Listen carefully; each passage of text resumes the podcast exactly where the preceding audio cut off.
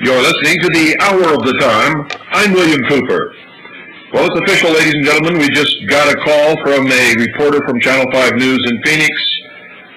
The uh, court has issued a bench warrant for the arrest of myself and my wife.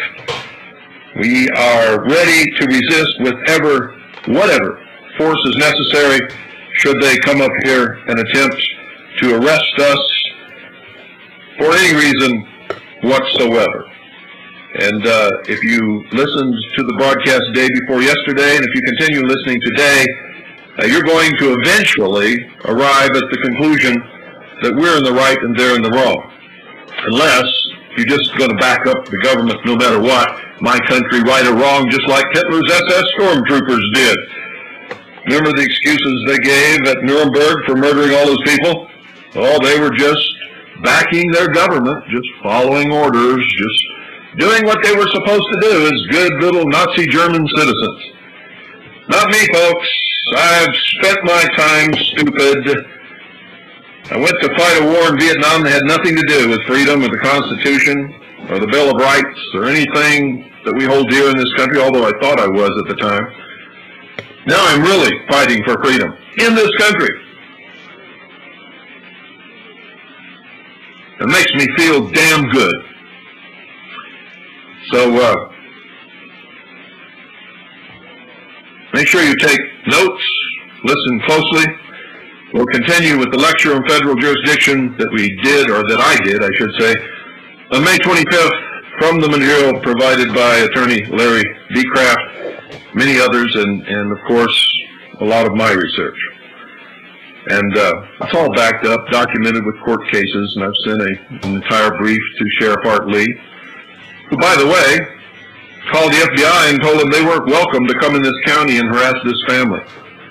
And I understand at least one other significant ranking law enforcement person in this county has done the same thing. So to Sheriff Lee and whoever else is helping us out, however small that help may be, I thank you.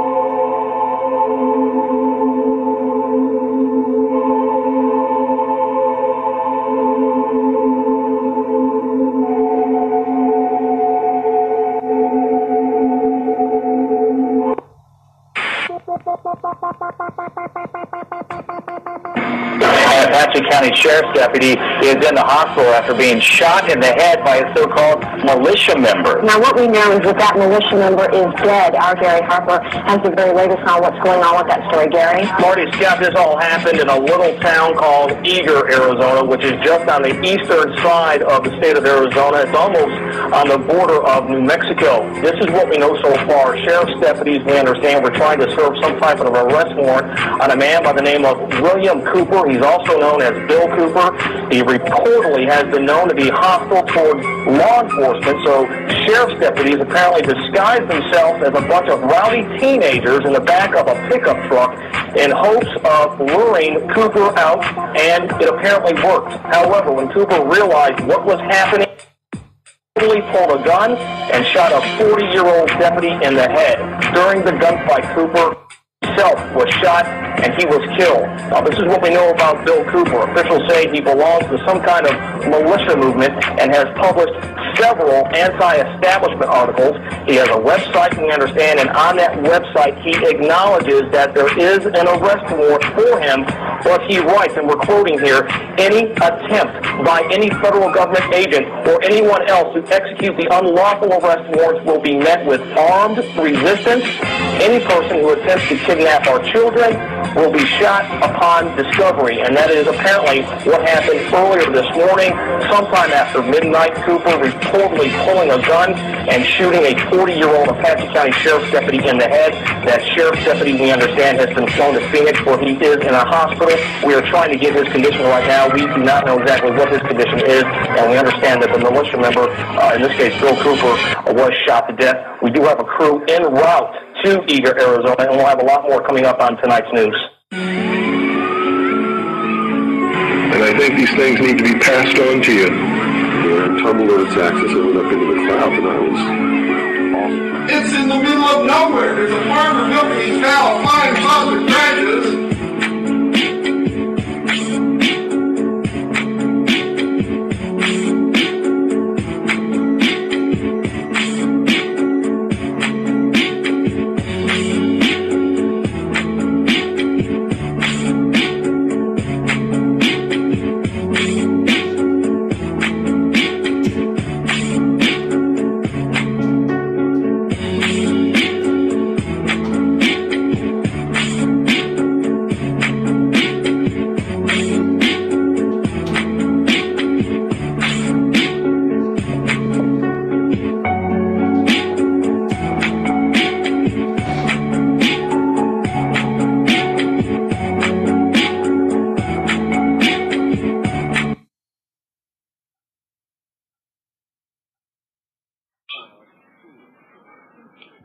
me,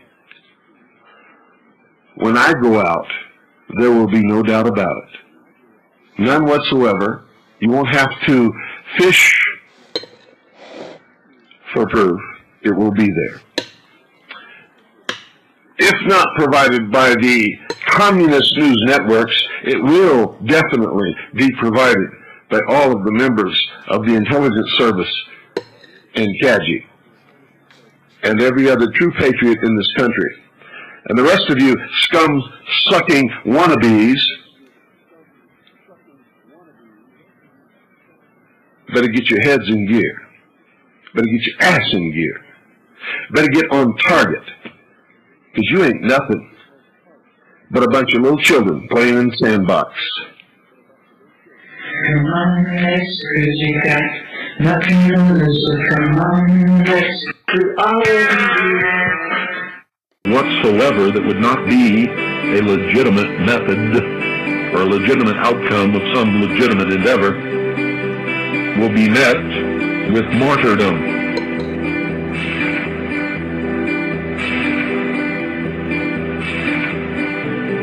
Tremendously dangerous and strong, active political movements always rise up around martyrs.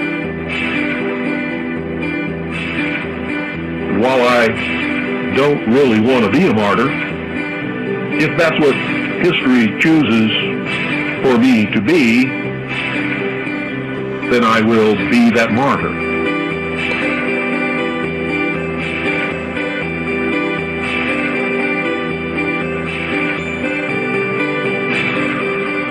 But our enemies are not stupid. They try to come at you in a way that will demonize you in the eyes of the American public, or the public of the world, so that whatever they do will seem to be legitimate. But my knowledge of the law has stymied them in that respect, because I've challenged them on every issue and they have defaulted.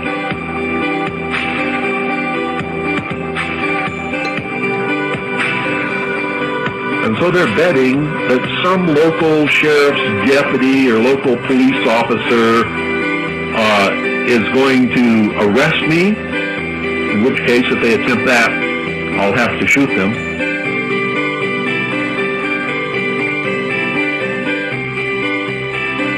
Or they'll have to shoot me. And that's what the federal government is counting on then they can really demonize me by saying I murdered some police officer who was doing something he should never have been doing in the first place and was actually the one committing the crime against me.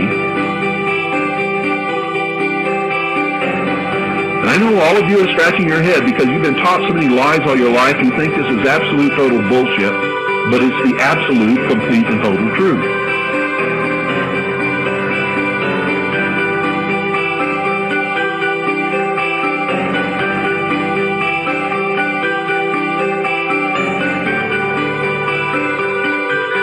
Let me get away with doing this forever. So the day they come to put me in prison or kill me, you'll all know that for sure, because it will happen sometime in the future. I don't know exactly when, but it will. And I've known that from the beginning.